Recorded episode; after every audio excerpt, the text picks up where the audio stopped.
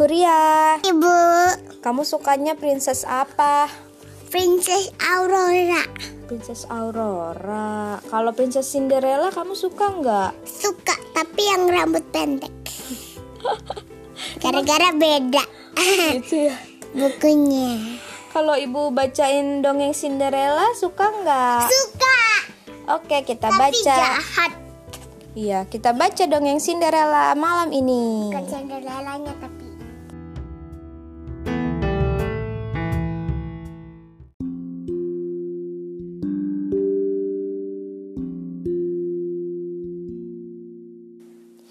Dahulu kala hiduplah seorang gadis cantik di sebuah negeri. Dia tinggal bersama ayahnya. Gadis itu berbaik hati seperti mendiang ibunya. Semua orang pun sayang padanya. Suatu hari, ayahnya menikah lagi. Si ibu tiri membawa serta kedua anak gadisnya. Ibu dan kakak, apa kabar? Dia menyambut mereka dengan ramah. Ibu tirinya sangat sombong dan jahat. Begitu juga dengan kedua kakaknya. Si ibu tiri tidak menyukai gadis yang cantik dan baik itu, karena bila dibandingkan, kedua putrinya jadi tampak lebih jelek. Setelah upacara pernikahan, si ibu tiri menyuruh gadis itu membereskan semua pekerjaan rumah.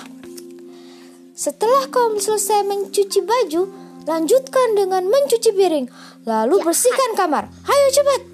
Gadis Jahat itu ya. betul. Gadis itu harus mengerjakan semuanya. Dia tidur di kasur keras yang terbuat dari jerami di loteng yang kotor. Pasti Tapi dia bekerja tanpa pernah mengeluh. Baik sekali dia. Setiap hari dia bekerja sampai kelelahan. Setelah semua pekerjaan selesai, dia beristirahat di samping tungku berdebu. Kedua kakaknya yang memergokinya mengolok-oloknya. Hahaha, mulai sekarang kita panggil dia Cinderella. Cinderella artinya gadis kotor berdebu. Tapi sekalipun Cinderella mengenakan baju compang-camping, dia tetap saja lebih cantik dari kedua kakaknya yang mengenakan gaun mahal. tapi di sini nggak ada yang jelek. Suatu hari, seorang pangeran muda mengumumkan akan mengadakan pesta dansa di istana. Kakak-kakak Cinderella juga diundang untuk datang ke pesta itu. Hah, aku senang sekali bisa bertemu pangeran. Siapa tahu aku yang akan jadi pengantinnya. Aku akan mengenakan gaun yang paling cantik ah. Mereka sangat bersemangat sampai-sampai bingung harus berbuat apa. Mereka bercermin, lalu mencoba semua gaun. Cinderella membantu kakak-kakaknya berpakaian dan berdandan. Cinderella, apakah kamu mau ikut ke pesta dansa? Tanya gadis tertua sambil tersenyum licik. Apakah Cinderella ikut? Tidak mungkin. Hahaha, benar juga. Kalau Cinderella ikut, dia hanya akan jadi bahan tertawaan. Mereka mengolok-ngolok Cinderella dan menertawakannya. Nakal banget deh. Akhirnya, hari yang ditunggu-tunggu itu pun tiba. Ibu tiri dan kedua kakaknya pergi ke istana dengan mengenakan gaun yang indah. Lama Cinderella menatap kepergian mereka. Lalu dia berlari ke lotengnya yang kotor dan tangisnya pun pecah. Tiba-tiba Cinderella mendengar suara yang lembut. Cinderella, mengapa kamu menangis? Cinderella menoleh terkejut. Ternyata itu adalah suara ibu peri.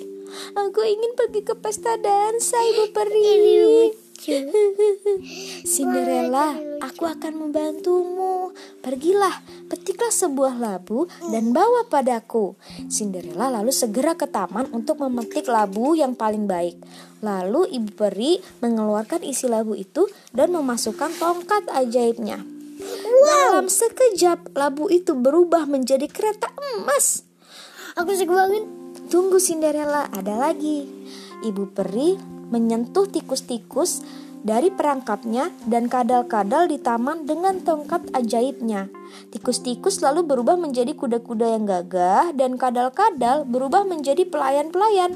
Seekor tikus besar berjanggut berubah jadi size yang size yang tinggi. Size itu kayak eh Kuda? bukan. Maksudnya pelayan. Pelayan. Uh-uh. Nah, apakah sekarang kamu senang bisa pergi ke pesta dansa? Seneng. Iya, aku senang. Tapi aku tidak Lucu. mungkin pergi dengan baju kotor seperti ini, Ibu Peri. Ibu Peri pun menyentuh baju Cinderella dengan tongkat ajaibnya. Tring! Aku sayang. Tiba-tiba bajunya yang compang-camping berubah jadi gaun indah yang berhiaskan batu permata. Ibu peri juga memberi Cinderella sepasang sepatu kaca yang paling indah. Sepatu itu terlihat sempurna di kaki Cinderella. Iya banget. Setelah Cinderella masuk ke dalam kereta emas, Ibu Peri berkata, Cinderella, sihir ini akan lenyap pada tengah malam.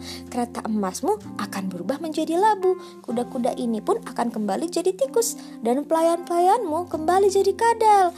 Karenanya, apa pun yang terjadi, pulanglah sebelum tengah malam. Kau mengerti? Aku berjanji Ibu Peri. Terima kasih banyak. Kereta emas itu lalu melaju membawa Cinderella menuju istana. Cinderella merasa senang sekali. Tak lama kemudian, kereta emas itu tiba di istana. Semua mata tertegun ketika Cinderella memasuki ruang dansa. Mereka terpana akan kecantikannya. Wah, cantik sekali dia. Pangeran langsung menghampiri Cinderella dan mengulurkan tangannya. Panjang. Tuan Putri, maukah berdansa denganku? Ada yang marah, ada yang enggak enggak. Tentu Yang pangeran. Cinderella berdansa dengan anggun seperti kupu-kupu. Semua orang mengaguminya. Aku belum pernah melihat putri itu sebelumnya. Dari negeri mana dia? Ibu tiri dan kedua kakak tirinya juga melihat Cinderella, tapi mereka tidak mengenalinya. Tengah malam hampir tiba. Cinderella berpamitan pada pangeran dan pulang ke rumah. Hari berikutnya pesta dansa berlanjut. Setelah kedua kakaknya pergi, Cinderella juga pergi ke istana. Bahkan pakaiannya lebih indah dari malam sebelumnya. Malam itu, pangeran melewati saat-saat indah bersama Cinderella. Cinderella sangat senang sampai-sampai dia lupa waktu. Tiba-tiba jam pun berdentang dan menunjukkan pukul 12 malam. Ya Tuhan, aku harus pulang sebelum sihirnya lenyap. Cinderella panik dan segera Panik berlari keluar banget. istana. Tuan Putri, tunggu! Pangeran berusaha mengejar Cinderella, tapi tidak berhasil. Cinderella pun berlari tanpa menoleh ke belakang dan salah satu sepatu kacanya tertinggal di tangga istana. Iya lepas dari kakinya. Betul. Pangeran sudah tidak melihat Cinderella, tapi dia melihat sepatu kaca itu. Iya dong. Dengan hati-hati dia mengambilnya, menggenggamnya, lalu kembali ke istana. Saat itu dentang jam terakhir selesai berbunyi. Jam sudah selesai berdentang, sihirnya lenyap, kereta emas dan gaun yang indah pun lenyap. Hanya sebelah sepatu kacanya yang masih tertinggal. Hah, itu tadi seperti mimpi, ya ampun. Cinderella benar-benar terpesona hingga jantungnya berdegup kencang. Beberapa hari kemudian, pangeran menyebarkan pengumuman ke seluruh negeri. Aku akan menikahi gadis yang ukuran kakinya pas dengan sepatu kaca ini. Sepatu kaca ini milikku. Bukan, itu pasti milikku. Para gadis saling bersaing mencoba sepatu kaca itu, tapi tak seorang pun yang mengen- yang pas mengenakannya. Aduh. Akhirnya tiba giliran rumah Cinderella. Kedua kakak tirinya mencoba sepatu kaca itu. Mereka berusaha memasukkan kaki mereka. Au, sakit! Mereka berusaha keras, tapi kaki mereka lebih besar dari sepatu itu. Kemudian Cinderella, berkata, "Hmm, bolehkah aku mencobanya?" Hahaha, tidak akan pas deh. Kedua kakaknya menertawakan Cinderella dan mengolok-oloknya. Tapi para petugas istana mengamati Cinderella dan menjawab dengan sopan. Silahkan dicoba, Nona. Para petugas istana mempersilahkan Cinderella duduk di kursi dan memberikan sepatu kaca itu. Menakjubkan! Ternyata sepatu itu sangat pas dengan kakinya. Cinderella lalu mengeluarkan pasangannya dari saku baju dan mengenakan keduanya. Ibu tiri dan kedua kakaknya terkejut. Bukan main sampai mata mereka terbelalak. Tiba-tiba ibu peri muncul. Dia menyentuh pakaian Cinderella dengan tongkat ajaibnya. Lebih bagus pun, loh. Cinderella pun berubah menjadi gadis yang paling cantik di daerah itu. Jadi ping ping ping. Selamat Cinderella, kata ibu peri. Terima kasih banyak Ibu Peri. Para petugas istana itu membungkuk, memberi hormat kepada Cinderella dan berkata, "Kaulah gadis yang dicari pangeran. Dia menunggumu." Sadarlah ibu tiri dan kedua kakaknya kalau Cinderella adalah putri cantik di pesta dansa itu. Mereka memohon agar Cinderella memaafkan mereka karena sudah berlaku jahat padanya. Cinderella pun memaafkan dan memeluk mereka. Ibu dan kakak, kumohon berdirilah. Mulai sekarang, marilah kita saling berbuat baik. Cinderella pergi ke istana, didampingi para petugas istana. Tak lama kemudian, Cinderella dan pangeran menyelenggarakan upacara pernikahan yang megah dan restu dari semua orang. Cinderella yang baik hati mengajak ibu tiri dan kedua kakaknya tinggal di istana. Cinderella dan pangeran pun hidup bahagia selamanya. Jadi ini ada permainannya. Ya, permainan di Ada tiga. Tiga permainan.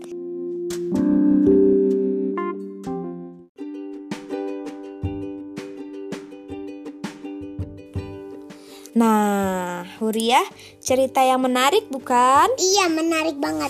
Abis itu aku nemuin Iya. apa namanya permainannya. Jadi Cinderella itu dongeng yang sudah lama loh. Itu udah ada dari tahun 1697 yang ampun ampun ditulis oleh Charles Perrault. Nah, eh, ketika kita mendengarkan kisah Cinderella yang eh, banyak adegan-adegan bagus, ya. eh, kita juga ikut ini ya, kita ikut tegang gitu ya. Wah, udah jam 12 malam nih. Cinderella harus cepat pulang. Nanti kalau enggak eh, keretanya berubah jadi labu lagi gitu. Iya.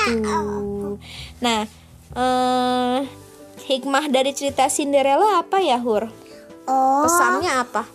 Oh, Cinderella bersihin kamar, dibully sama apa namanya kakak tirinya. Hmm, jadi kalau jadi anak perempuan tuh memang harus rajin dan baik hati gitu ya, nggak boleh jahat sama orang lain karena karena kecantikan itu juga bukan hanya dari fisiknya, tapi memang dari hatinya ya Hur. Iya, tapi aku lebih suka yang baik-baik gitu. Mm-mm, jadi kalau jadi anak perempuan dan anak laki-laki juga pokoknya semua Baik semuanya. semua harus baik. Oke teman-teman. Juga temen juga ha, baik Itulah- sama temennya. Iya, itulah cerita Cinderella ya. Semuanya harus Sampai baik. jumpa di dongeng untuk Huria episode berikutnya. Bye bye. Bye